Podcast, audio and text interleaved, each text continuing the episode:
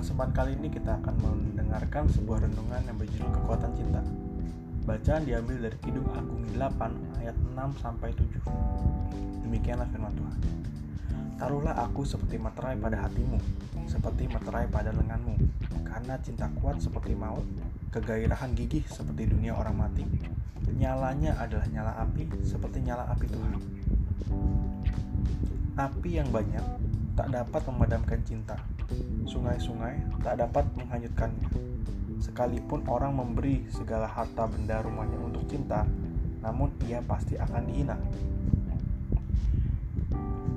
Ayat yang menjadi fokus pada hari ini adalah di Kidung Agung 8 ayat 7-nya. Yaitu, sekalipun orang memberi segala harta benda rumahnya untuk cinta, namun ia pasti akan dihina.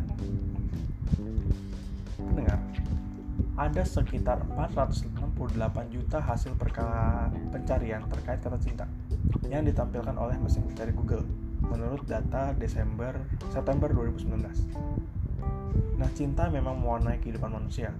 Tentu ada yang picisan sifatnya. Tetapi, tidak sedikit juga dari daftar pencarian itu yang mengungkapkan betapa cinta sungguh berharga.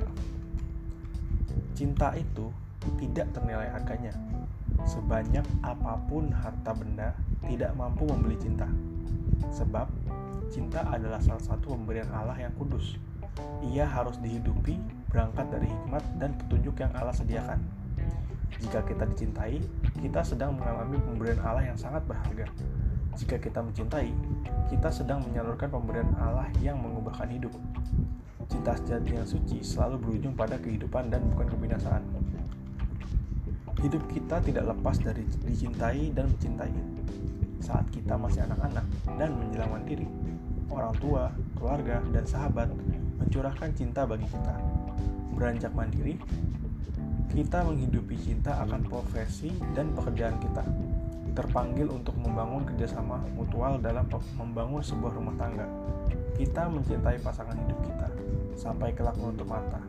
Kita ditangisi karena cinta jika cinta tidak dapat lepas dari hidup kita karena ia merupakan pemberian Allah yang memiliki kekuatan yang luar biasa. Apakah kita mau menerima dan menghidupi cinta?